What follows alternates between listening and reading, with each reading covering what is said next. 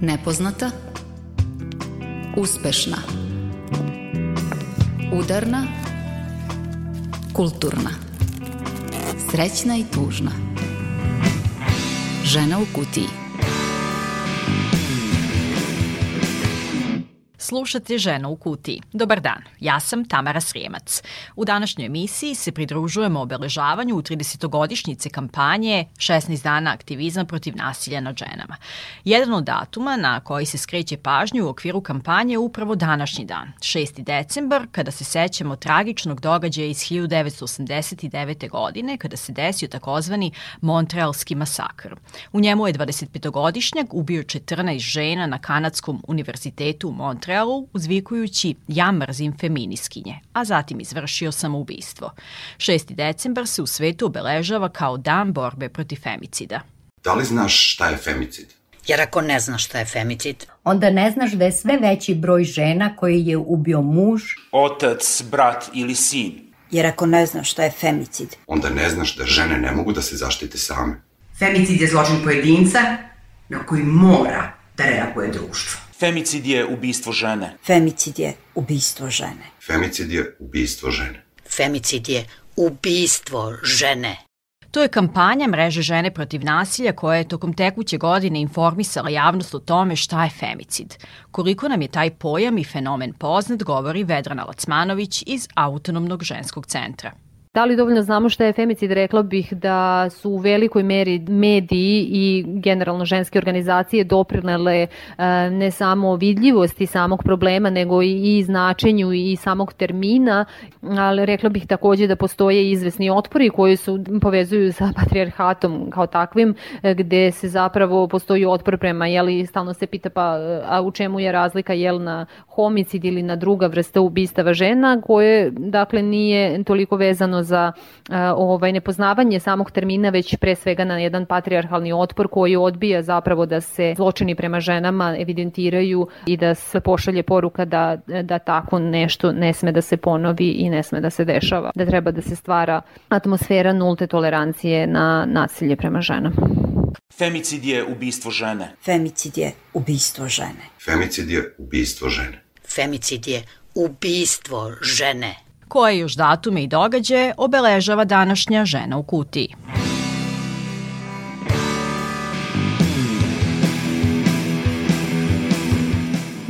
petog novembra obeležen je Međunarodni dan borbe protiv nasilja prema ženama.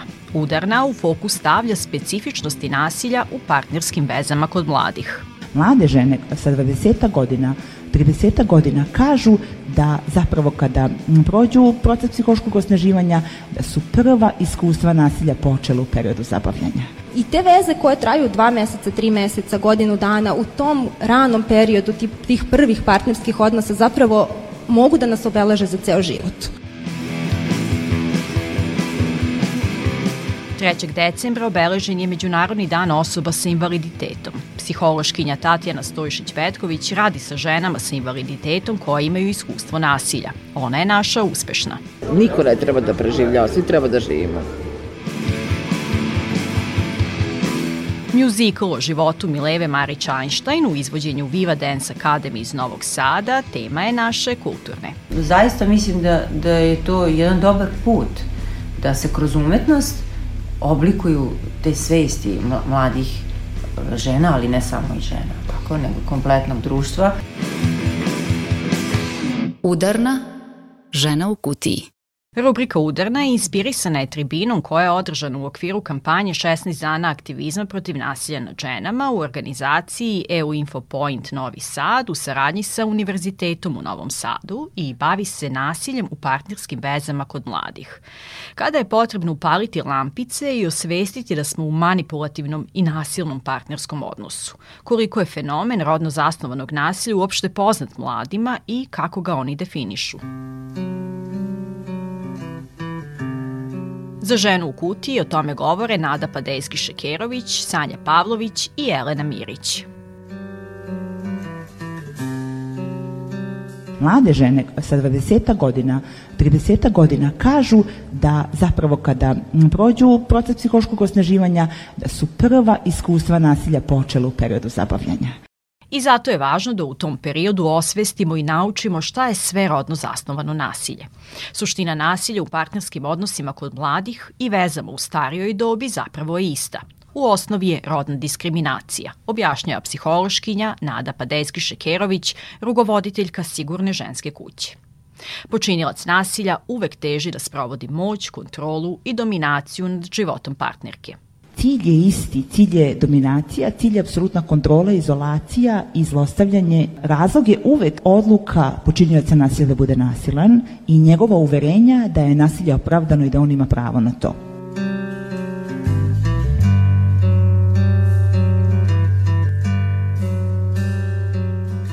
Međutim, specifičnosti nasilja u partnerskim vezama kod mladih postoje. Njih definišu i objašnjavaju Nada Padejski-Šekerović i Sanja Pavlović iz Autonomnog ženskog centra. Dominira psihološko nasilje. Dakle, pretnje, ponižavanje, omalovažavanje, Dakle, da, pre svega reč je o psihološkom nasilju kada govorimo o, o nasilju u partnerskim vezama mladih i povezano je sa digitalnim. Nekako se čini da te dve stvari su sada neodvojive. Ne možemo govoriti uopšte o partnerskim odnosima kao takvim među mladima bez te digitalne dimenzije. Psihološko nasilje jeste nešto što je najteže njima da prepoznaju, ali psihološko nasilje koje se koje ima specifičnosti načina života u tom životnom dobu. Dakle, žrtve ne prepoznaju ljubomoru, želju za kontrolom, izolacijom u periodu zabavljanja kao nasilje, već ga tumače kao izraz ljubavi. E, ljubomora je svetinja, dakle ako nema ljubomore nema ni ljubavi, i to je nešto gde najviše se trudimo da razbijemo predrasude i što najteže jeste razbiti kao predrasudu kada sa njima razgovaramo, jer to je mnogo jako, mi smo odrasli sa tim mitom da ljubomora jeste a, dokaz ljubavi i da ako toga nema on mene zapravo uopšte, uopšte i ne voli, nije mu stalo do mene ako nije ljubomoran.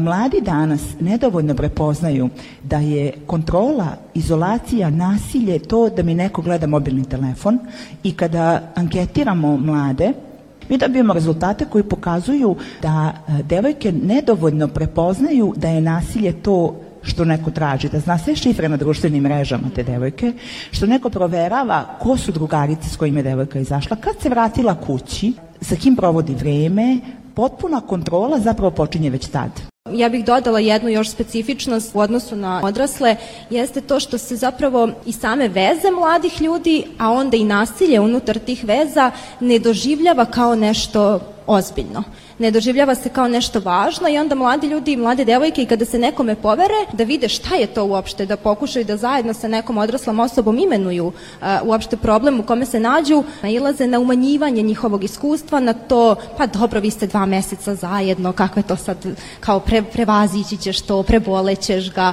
Kod nas i dalje devojke misle da je u redu da on komentariše da li je suknja prekratka ili nije. Nije u redu, to je psihološko nasilje. Nije u redu da kaže, ova drugarica ti je problematična, nemoj više s njom da se družiš. Nije u redu da kaže, ova drugarica je ljubomorna e, na nas, na našu sreću, nemoj više s njom da se družiš, vidiš kako nam stalno nešto kvari, pravi tračeve. Nije u redu da kaže, tvoja mama je ovakva, tata je ovakav. Ni, znači, to su sve koraci ka izolaciji. I te veze koje traju dva meseca, tri meseca, godinu dana, u tom ranom periodu tih, prvih partnerskih odnosa zapravo mogu da nas obeleže za ceo život. Ljubav je slijepa i lijepa, ljubav oprašta, a ne prelazi preko šamara. Ljubav je bilo prava, se srušilo sve jer je teško bilo sakriti masnice. Kampanja AŽC-a Mogu da neću intenzivno informiše i edukuje mlade o svim navedenim karakteristikama nasilja. Vršnjačke edukacije obuhvataju najčešće mlade od 14 do 19 godina, ali i studenkinje a istraživanja nastala u okviru kampanje pokazuju da je čak i fizičko nasilje u vezi nešto što mladi ne prepoznaju dovoljno.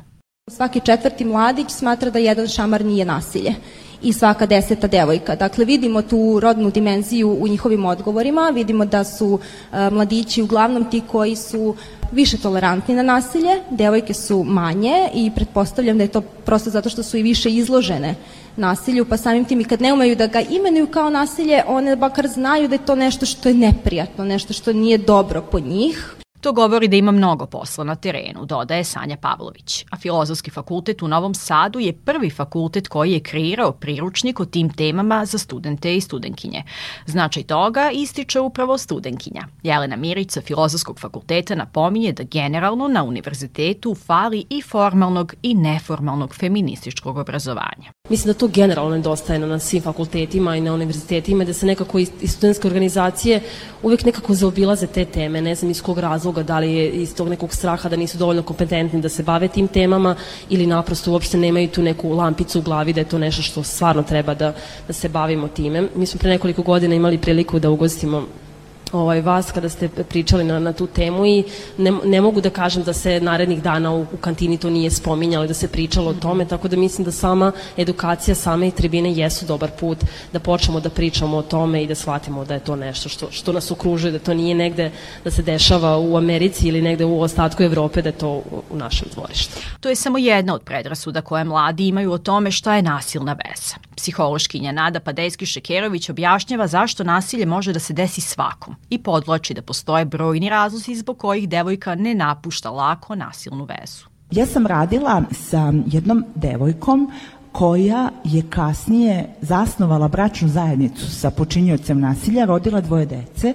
Osnovni faktor koji je nju držao da ostane u toj nasilnoj zajednici, partnerskoj mladalačkoj, tako da kažem, je njena percepcija ljubomore drugarica ja sam sa njim zato što je on faca u gradu, a moje drugarice su ljubomorne na mene jer sam ja sa njim. Zapravo, ispod je nisko samopouzdanje, sklonost da se bori za vezu po svaku cenu, pogrešno razumevanje, nedovoljne informacije o dinamici nasilja. Dakle, nije ona odgovorna. Odgovorna je patrijarhat, odgovoran je proces socijalizacije, odgovoran je društvo, odgovorno je to što ona nije imala savjetovalište za mlade, gde će da potraži pomoć. Odgovorno je što nema dovoljno razvijenih opštih i specializovanih usluga podrške.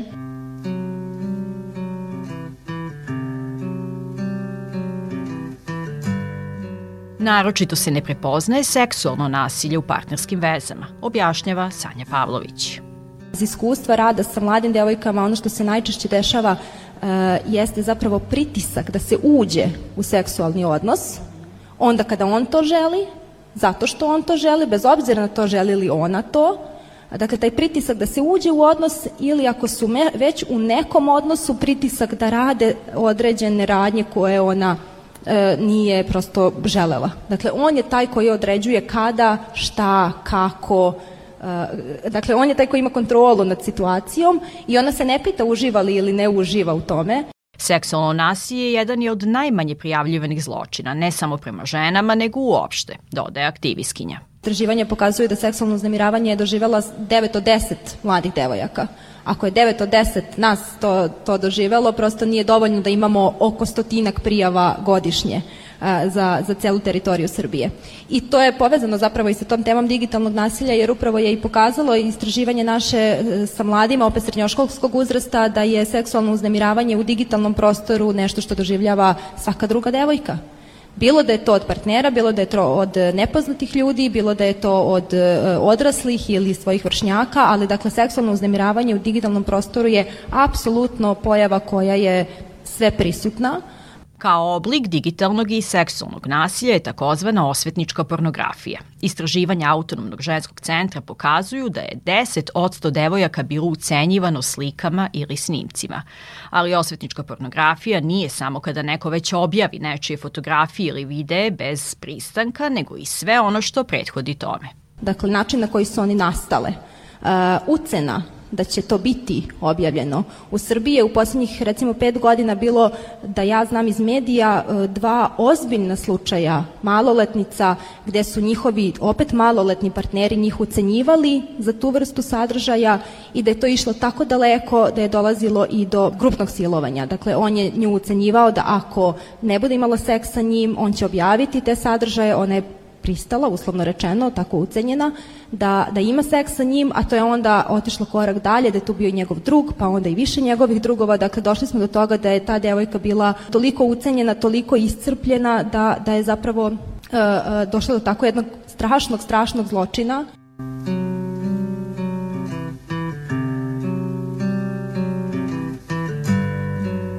Samo 6% mladih se izjasnilo da bi se obratilo nastavnicima za pomoć u slučaju nasilja, dodaje Sanja Pavlović. Iako obrazovne institucije imaju ogromnu ulogu u životu mladih, odnos poverenja izostaje. Svoje viđenje o tome iznosi studenkinja Jelena Mirić generalno mladima nedostaje te medijske pismenosti, nedostaje i, i čitave te svesti koliko zapravo ti sadržaj jako brzo, jako lako mogu da dođu u, u ruke ovaj, nekoga ko bi to iskoristio na neke, neke ovaj, kontrastrane. Mislim da zapravo nama možda kao na filozofskom fakultetu i nije toliko nepoznato s obzirom da imamo i katedar i za psihologiju, i za sociologiju, i za, i za same, same, o, samo novinarstvo. Nekako još nekako mislim da plivamo u tim samim temama, ako mogu tako da se izrazim. Mislim da generalno na, na na univerzitetu i generalno među mladima nedostaje tog momenta da nas neko zaista pita uh, da li mi imamo neki problema da to nisu samo ispitni rokovi, sami ispiti školarine i tome slično, što ne kažem da nije, nije važna tema. I u tom kontekstu nezaobilazna tema je i problem nepostojanja seksualnog obrazovanja u školama. Istraživanje u Srbiji pokazalo je da gotovo svaki drugi mladić svakodnevno gleda pornografiju, ističe Sanja Pavlović. Dakle, ne na nedeljnom nivou, ne na mesečnom nivou, svakodnevno gleda pornografiju za koju opet razda druga istraživanja pokazuju da od 80 do 95% sadržaja uh, je neki vid, prikazuje neki vid nasilja prema ženama, bilo verbalno, bilo fizičko, bilo uh, eksplicitnije seksualno, ali dakle to su sadržaje gde mladi uče o seksualnosti. Nasilje je sve ono što me tera da radim i budem nešto što neću. I ono što mi brani da radim i budem ono što hoću, ukazuje Nada Padejski Šekerović. Svako od nas zapravo osjeća kada nešto nije u redu. Priroda je napravila mehanizme koji nas upozoravaju da nešto s našom ravnotežom nije u redu. Anksioznost ima svoju ulogu u cilju opstanka vrste Anksioznost ne sme da se zanemaruje. Anksioznost nam govori da postoji neka opasnost po našu ravnotežu, po našu sigurnost, a žrtve nasilja prvo doživljavaju anksioznost i znaju da nešto nije u redu. Zato treba edukovati mlade da je ta anksioznost signal za opasnost, dodaje psihološkinja i da mi se ne čini da sam nervozna i da nisam nervozna zbog predmenstrualnog sindroma i da nisam nervozna zbog ispitnog roka i da nisam nervozna što sam eto tako ja nervozna jer su to mehanizmi kojima počinilac nasilja pokušava da ubedi žrtvu da je ona odgovorna. I još jedna obavezna lekcija. Jedno je konflikt, a drugo je nasilje. I to moramo da naučimo mlade. Dakle, u konfliktu se niko nikog ne boji. Nije nam prijatno u sukobu smo, u konfliktu smo, različito mislimo o nečemu, ali nemamo taj kvalitativno drugačiji doživljaj anksioznosti.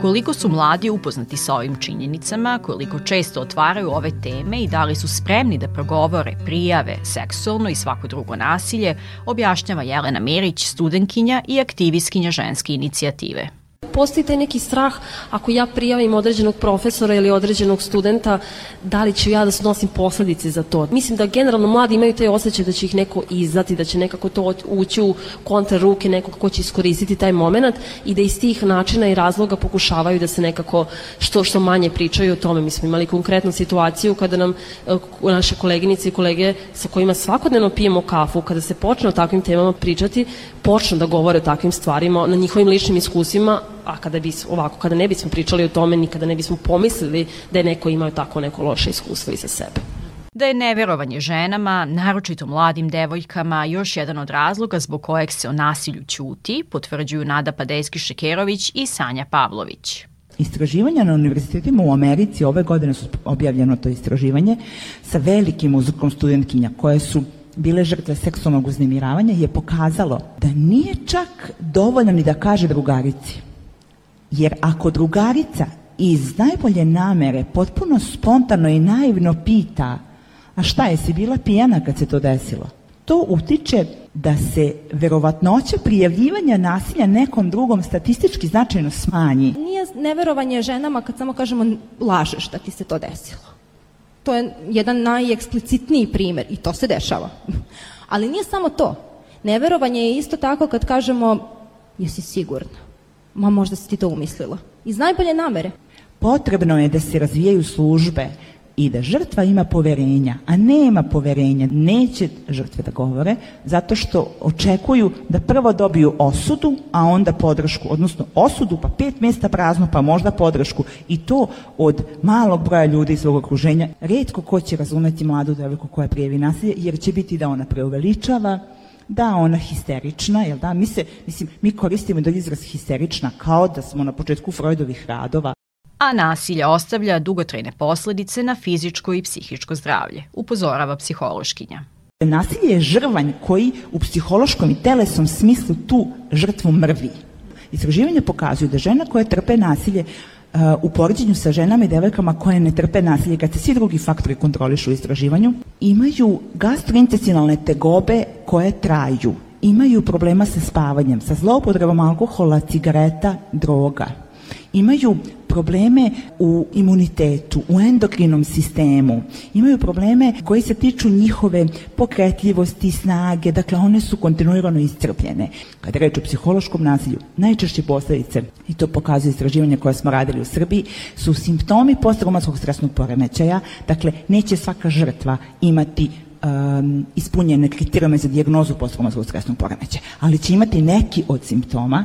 Slepa i lijepa ljubav oprašta, ali ne prelazi preko šamara. Ljubav je bila prava, se sušilo sve jer je teško bilo sakriti masnice. I šta moramo da imamo stalno na umu, šta svi možemo da uradimo, šta nedostaje, zaključuju sagovornice žene u kutiji jako je tanka ta nit kako mi možemo da uđemo u tu samu, samu zamku i da nekada i koliko god mislimo da smo svesni toga i koliko god možemo mi da utičemo na to i kada govorimo o nekim onako izrazima kao mene to ne dotiče ni to je ne, ne, negde dalje od mene, mislim da, da je jako klizav teren koji može svaka od nas da završi u jednoj vrsti, vrsti nasilja. Tako da čini mi se da je važno i momcima i devojkama graditi to samopouzdanje da reaguju kada vide da se nešto dešava, da ih pohvalimo u tim momentima, da vrednujemo prosto vrednosti, ne nasilja i, i, i ravnopravnosti. E, nedostaju savjetovalište za mlade. Naša je impresija iz prakse da savjetovalište za mlade nedostaju e, jer bi ona imala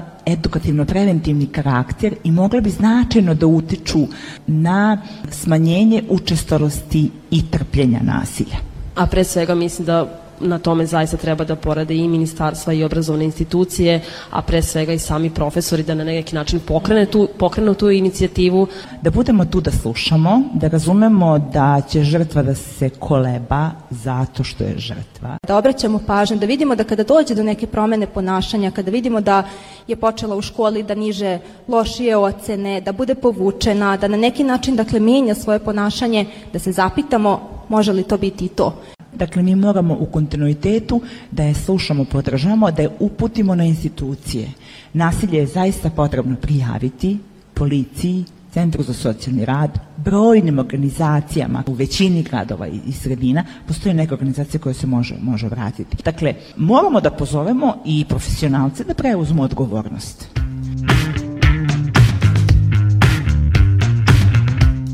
Odgovornost dakle uvek kao ključna i važna reč. U nastavku slušamo novu pesmu koja je izašla pred kraj novembra.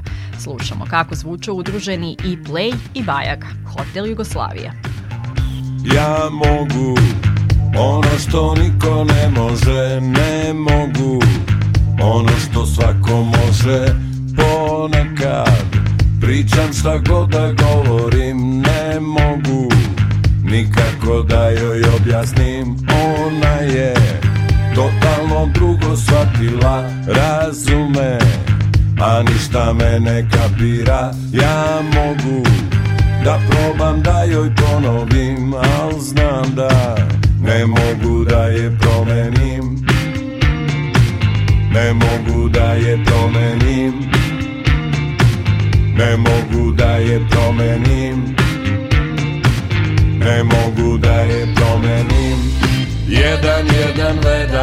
jedan,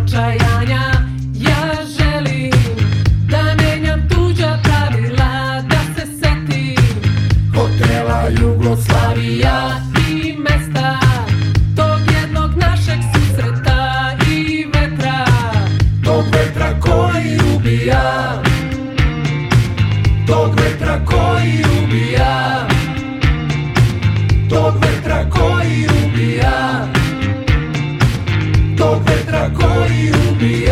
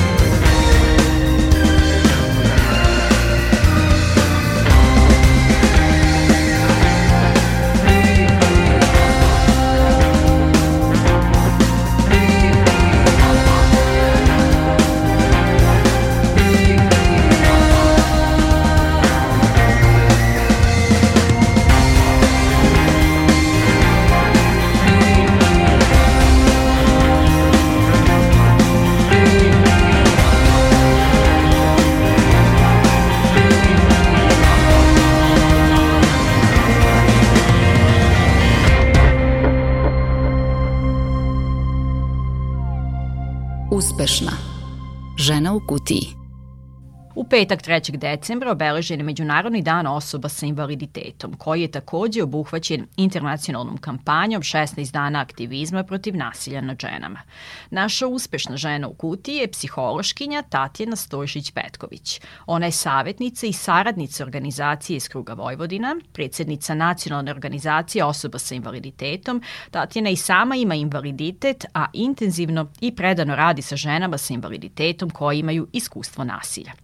Uvek se trudi da u svoj rad unese jednu dozu optimizma i zato je posebno cenimo.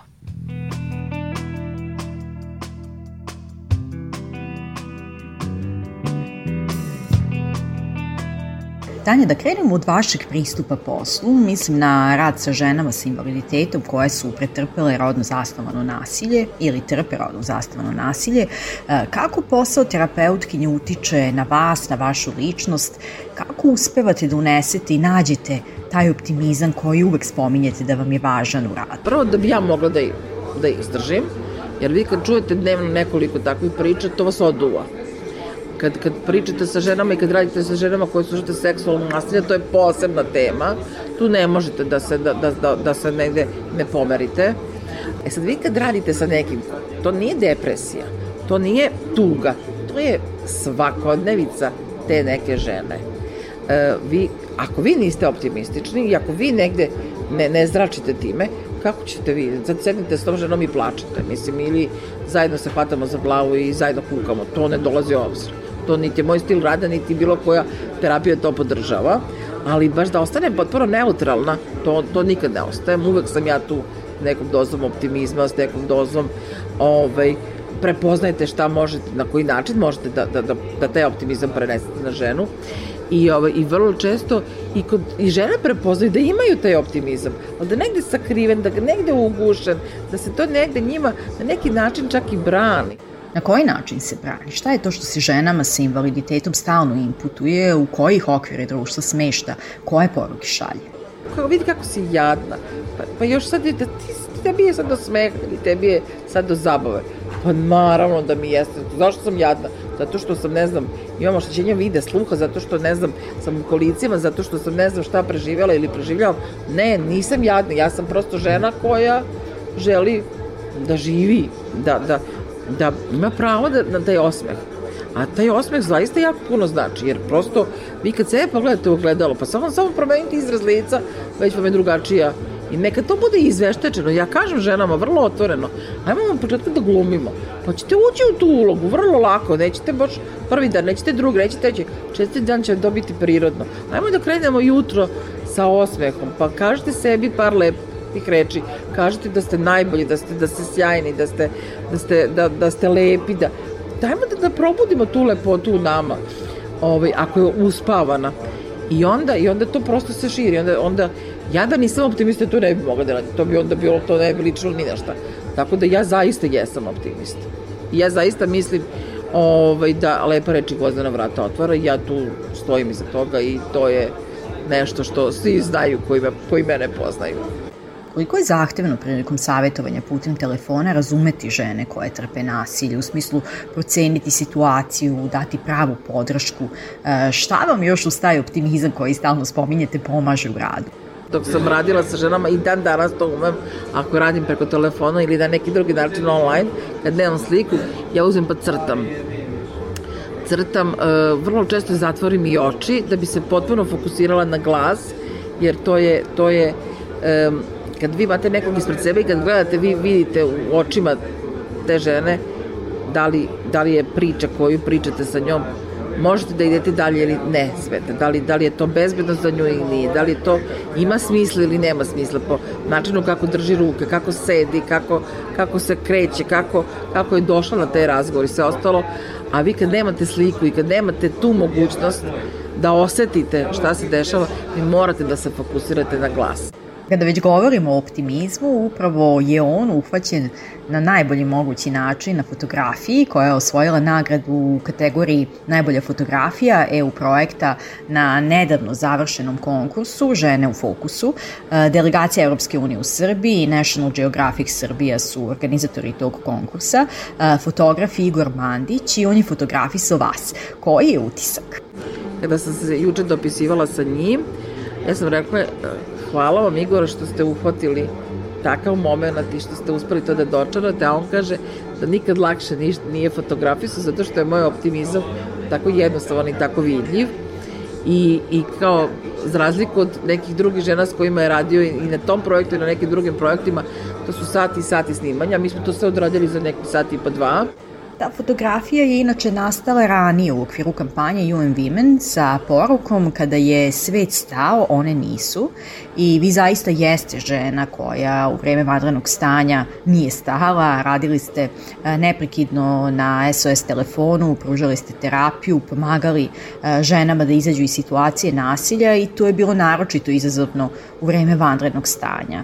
E, kako je nastala fotografija i kakav je osjećaj bio učestvovati? Oni su došli u Novi Sad, mi smo se dogovorili i mi smo tako išli kroz centar, jer je um, smo negde zajedno se dogovorili da, da bi bilo lepo da, da ne budem fotografisana u prostoru u kome radim, i među ostalog postoje fotografije i iz prostora u kome sam radila, uh, nego da, da prosto negde prikažemo Novi Sad.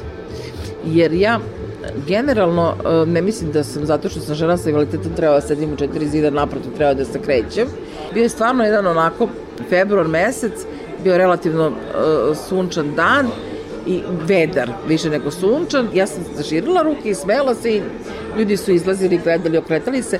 Osjećala sam se fantastično. Šta ću da vam kažem zašto?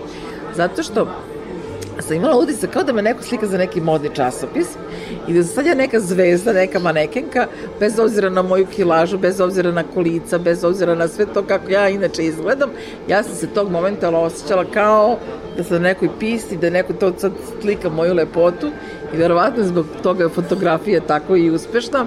Inače, fotografija se može videti na društvenim mrežama, stranicama EU info mreže, a s obzirom na to da nam je nekako danas u fokusu razgovora optimizam, kako zadržati u današnje vreme njega i preneti ga ljudima koji se bave sličnim poslom kao vi ili ostalim ženama sa invaliditetom? Mislim da ljude treba motivisati da e, one ljude koji imaju kapacitet i koje imaju mogućnost i koji rade dobro svoj posao da ne odustanu. Imamo sjajne i mlade i malo starije ljude i stare ljude koji fantastično odrađuju svoje poslove i koji, koji su zaista jako puno i postigli i postižu i dan danas.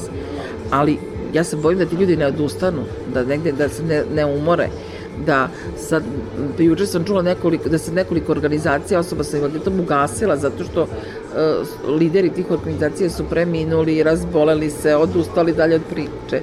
To je nešto što ne samo da dozvolimo. A koliko možemo uopšte govoriti o uspešnom aktivizmu u našoj zemlji, prvenstveno mislim na podršku ženama sa invaliditetom sa akcentom na one koje su žrtve nasilja? Ako vi imate usluge koje su dostupne tim ženama i da one mogu da očekuju podršku sistema, onda, onda mi možemo da, da pričamo zaista o nekom, nekom uspešnom aktivizmu i o nekom uspešnom uh, rešavanju nekih sistemskih problema, pro, situacije i tako dalje. Mislim da je to nešto na čemu treba da radimo, da sistemski rešavamo, da stvaramo da su usluge dostupne, da svaka žena može da uđe u centar za socijalni rad, da može da ode kod ginekologa na pregled, da može da, da ode u bioskop, da ode u pozorište, da, da ima personalnu asistenciju i ako nije zaposlena i ako, i ako, i ako ima dete pa je treba asistencija, da ima pravo na to, jer mi danas imamo personalnu asistenciju koja ne prepoznaje ako vi niste društveno angažovani i sve ostalo, ako nemate 100% invalidnost, šta znači imati 80% invalidnost, pa sad kao ne treba personalna asistencija. Znači, sistemski sistemski treba da se rešavaju stvari, zbog toga mislim da je taj aktivizam i pritisak na, na državni aparat, na političare koji donose odluke, da tu treba da budu uključene i žene, i žene sa invaliditetom, i žene koje su preživjele nasilje i sve ostalo, da bi prosto mogle da, da kad donosimo i kad menjamo neke stvari, da to bude zaista adekvatno. Da, da bi se menjale stvari, važno je iskretati pažnju na položaj žena sa invaliditetom, konstantno govoriti o nasilju prema njima, ne okretati glavu. Zašto je to važno i preko potrebno i da li postoje pomaci u našem društvu? Pomaci postoje po meni više u tom nekom aktivizmu nego na samom polju države i onda kad ste vi aktivni, aktivni, aktivni i kad ste uporni, uporni, uporni, onda država mora nešto da menja. Država sama od sebe i ljudi koji uošte vode državu, neće oni moći da prepoznaju šta nas muči ako se mi ne izborimo za to. Ali juče, prolazići kroz ulicu Vojvode Bojovića, sad nemojte biti tačno, nisam sigurna da li sam u pravu ulicu, ali posle ćemo proveriti, e, pored Crne kuće, CK13, gde su žene koje su ove godine, u pretokvodnoj godini, e, javno progovorile o tome šta su trpele i da nas njihovim slikama, pored njihovih slika, piše verujem ti, to je nešto što mi pre 3-4 godine nisam mogli ni da zamislimo. Ne postoji opravdanje da mi krijimo žrtvu nasilja. Da, fenomen rodno zastavnog nasilja javnosti je i dalje nedovoljno poznat, naročito te subtilne tehnike nasilja koje su izražene prema ženama sa invaliditetom. E, šta je sve porodično nasilje što možda ne prepoznajemo u prvi mah? Devojka koja se javlja, koja ima senzorno oštećenje i koju porodica tretira kao dete, a odavno je izašla iz te kategorije deteta, koja ima posebno upatilo poseban ulaz u sobu u, u, deo kuće gde ona živi, koja čak i kad gosti dođu, ona ne izađe, koja sa svojih 20 i nešto godina nikad nije otišla sa drugaricom da se prošeta ili da sedne u kafić i sve ostalo, zar to nije porodično nasilje. Ali ako vi e, radite i javi vam se tako jedna žena, vi na prvom mestu morate da vodite računati od njenoj bezbednosti. Šta ona može možda da prijavi to, ali šta, šta je njoj opcija ako sistem ne prepoznaje? E, zbog toga ja stalno pričam o tim sistemskom rešavanju, o, o standardima koji se postavljaju, e, o, šta, zašto nam treba svoje potrebe, želje, ideje, kreativnost svoju da svede na minimum da bi mogla da preživi. Niko ne treba da preživljava, svi treba da živimo.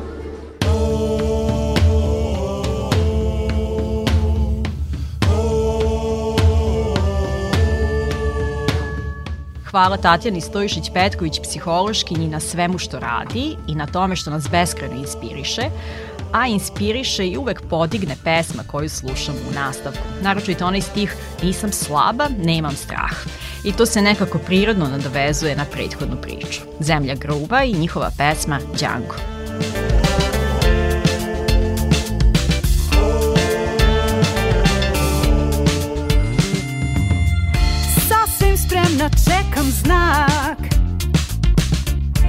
jedan pucanj nije jak. Mene štiti to što znam. Biće, he, prvi dan.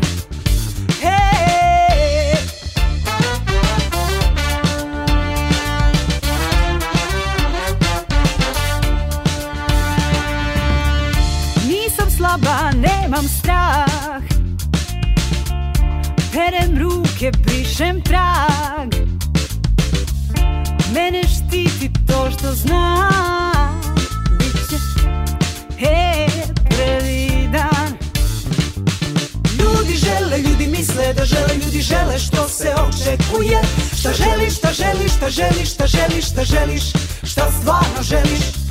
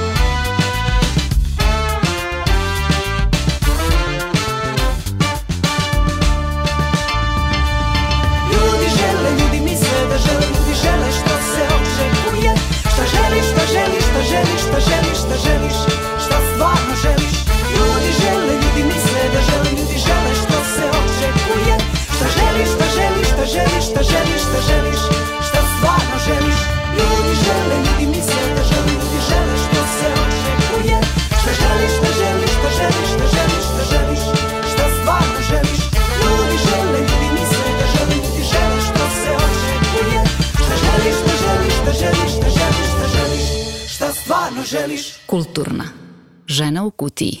U rubrici Kulturna čućemo razmišljanja koreografkinje Gordane Oreščanin sa kojom je razgovarala Milica. Koliko je sve relativno shvatimo kada naučnu teoriju relativiteta odigraju i otpevaju na pozorišnoj sceni. Teorija relativiteta naziv je muzikla o životu Mileve Marić Einstein koji je skicirala Viva Dance Academy iz Novog Sada. I to vrlo emotivno, koreografski zahtevno i ženski borbeno.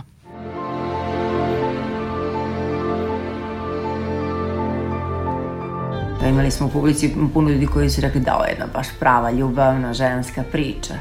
I to je bio moj motiv, dakle, teorija relativiteta je samo nešto što se provači ovaj, kroz, kroz naš musical kao posledica te ženske priče i mi hoćemo i da da pokažemo publici da je Mileva učestvovala u, u tom naučnom otkriću i da je u, u zaslužna za to i da je to nezapamćena, odnosno nepravdena, što, što mi ne povezujemo njeno ime sa tom teorijom relativiteta. Prošle sedmice, premijerno na sceni pozorišta na Terazijama u Beogradu, prikazana je ta naučna teza kao posledica nepravedno zapostavljene ženske strane priče, objašnjava koreografkinja muzikla Gordana Oreščanin. Mislimo da smo uspeli u tome da, da pokažemo i žensku priču i taj naučni deo, da prikažemo kako je zapravo došlo do otkrića e, teorije relativiteta. To je taj trenutak kad je ona izgubila tu svoju bebu i sada možda i ne, ne otkrivam previše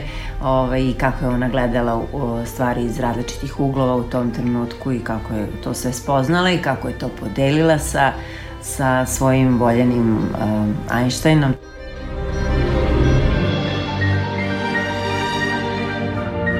Postojimo 29 godina i imamo uh, najmlađe uh, članove uh, udruženja i najstarije. I onda uvek smišljamo kako to se objediniti. I onda uzmemo jednu ličnost i provlačimo uh, na sceni od, od uh, detinjstva pa do zrelosti. U svakom tom uzrastu da pronađemo nešto interesantno. Uvek se izrodi neki mladi talent i među tim najmlađim devojčicama, uvek je to lepo i simpatično, tako da mi ne osetimo to, to tako izgleda kao proizvod na sceni, fascinantno, jao koliko ljudi pa kako, ali zapravo to je nešto što mi živimo, mi živimo sa tim ljudima, sa tim mladim ljudima, sa tom decom svaki dan. Tako da je nama to nešto prirodno i pa lepo je, ako smo mi fenomen, super. Osam meseci se velika ekipa Viva Dance Akademije pripremala za premijeru. I ovoga puta to su činili uz pomoć plesne trupe Megablast iz Zagreba sa kojom su radili i na prethodnom mjuziklu o Isidori Duncan. Kad god neko spomene mjuzikl o Isidori Duncan, ja se prvo setim uh, Dijane Kozarski koja više nije sa nama i molim vas da, da se to sad zabeleži i u ovom intervjuu. Uh, o, inače, premijera na terazije je njoj, njoj posvećena, to, to su videli svi koji smo napravili biltene pa smo stavili za svaku stolicu.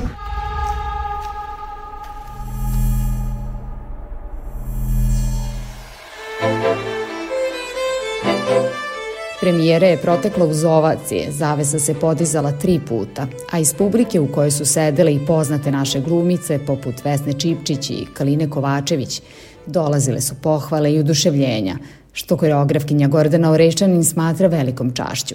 Svi imaju reči hvale i onda bi ja više volila da pitate njih, ali evo ja iz svog ugla hoću da kažem da, da su svi dali sve od sebe da se to vidi, to publika prepoznaje kad neko to iz srca radi, kad to nije njegov plaćeni posao svakog dana ustaje i samo to radi. Ne, nama je ovo tolika radost. Mi smo to toliko čekali. Mi smo zaista živeli svih osam meseci za to i to je onako bila jedna eksplozija emocija sa naše strane prema publici i onda smo samo od publike dobili fantaziju. Viva Dance Academy se kao udruženje odavno bavi temom rodne ravnopravnosti i koriste scenski pokret, muziku, koreografiju da izraze stave i utiču na mlade ljude, pogotovo mlade devojke i devojčice, dodaje koreografkinja. Kad te devojčice pogledaju našu predstavu i kad vide to što se desilo, konkretno evo Milevi Marić, koliko je bila uh, prvo u svom detinjstvu usamljena među svim dečacima u gimnaziji, pošto evo posvetit ćemo i, i vašu publiku da u to vreme u gimnaziju nisu išle devojčice, uglavnom dečaci, ali ona je bila iz imućne srpske porodice, tadašnje austro-ugarske, jel? Ove, ovaj, pa je otac to njoj omogućio. Jako su bile redke takve devojke. Jako. Eh, ali opet se taj, taj odnos i, i, i taj odnos tih dečaka na kraju posle toga muškaraca prema njoj uopšte nije menjao. Ona je i dalje bila uh, potpuno uh, sa nejednakim pravom glasa, kako na fakultetu, tako i u svojoj kući, sa Albertom i sve tako dalje.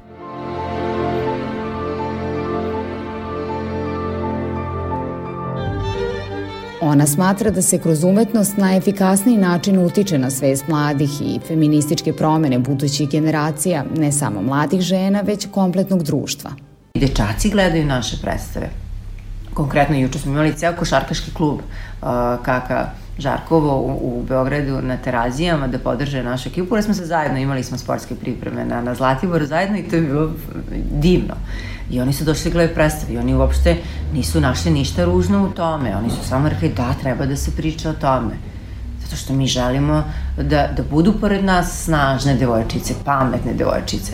Gordana Orešćanin kao koreografkinja i žena smatra svojim uspehom svaku promenu koju uoči kod devojčica tokom rada na predstavama, a to je njihov ras samopouzdanja, poštovanje sobstvenog i timskog rada. Devojčice se osvešćuju na taj način i to je ono što smo pričali malo pre da, da mi stvarno sa predstavom uradimo puno. Mi na atraktivan način prilazimo njihovoj svesti. Mi tu njih, jel, potpuno okupiramo da stvarno se udube u to.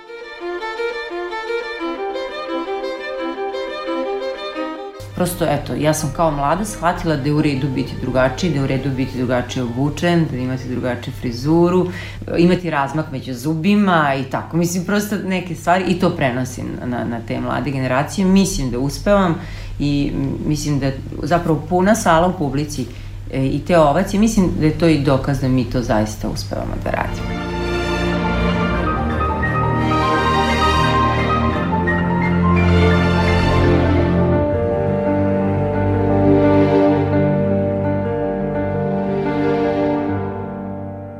Hvala Milici, njenoj sagovornici, ali i koleginici Leji Kotlici na tehničkoj asistenciji.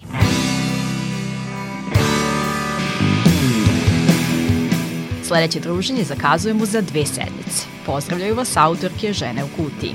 Uz Milicu Kravićek Samit, tu sam i ja, Tamara Srijemac. Tu je naravno i naša koleginica zadužena za ton, Sabina Nedić. Muzički pozdrav danas stiže od hrvatskog sastava Ti, ja, moja mama. Slušamo njihovu pesmu Vrijeme.